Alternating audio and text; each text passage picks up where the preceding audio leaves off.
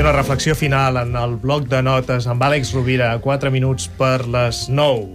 Molt breu. Jo, parlant d'oracles, la reflexió seria que, que l'oracle més important és, és, és, qüestionar, és mirar endins. Uh, les eines que ens pot brindar l'astrologia o altres eines poden ser molt útils per acompanyar-nos en el camí, ens poden donar eines en moments determinats, però la pregunta fonamental jo crec que és eh, ningú t'ha de dir, ningú et pot preveure, ets tu qui tens la llibertat de triar moltes vegades què vols fer en cada instant, quina actitud vols triar en cada moment, com vols respondre a cada estímul que et dona la vida.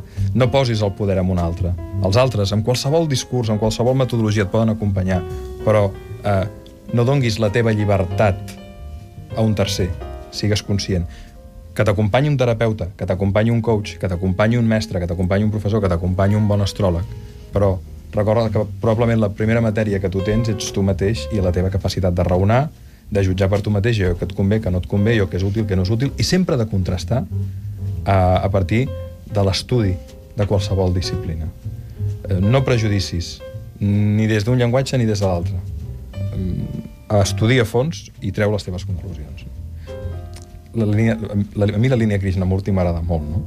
És a dir, no hi ha mestres, no hi ha oracles, sigues tu el que per tu mateix trobis el teu camí. És bonica aquesta reflexió, per tant, que aquest ofici de viure la subscriviu, Sònia? Totalment, sí, sí. Sí, Margarida?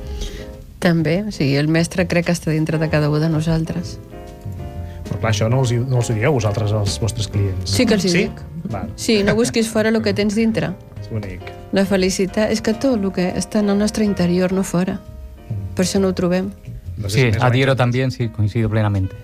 Con, con la idea de, de ser un acompañante, alguien que ayude a, a que el otro florezca, pero la- lo tiene que hacer el otro o, o cuando es propio lo tenemos que hacer cada uno.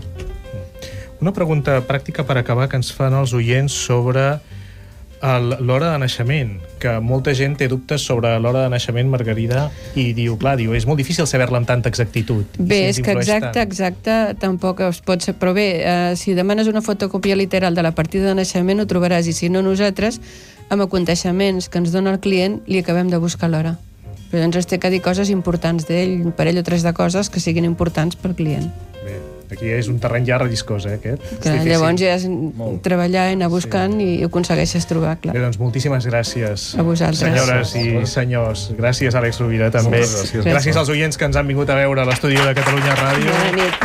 I moltes gràcies als oients que ens han escoltat com cada vespre. Molt bon cap de setmana. Fins dilluns.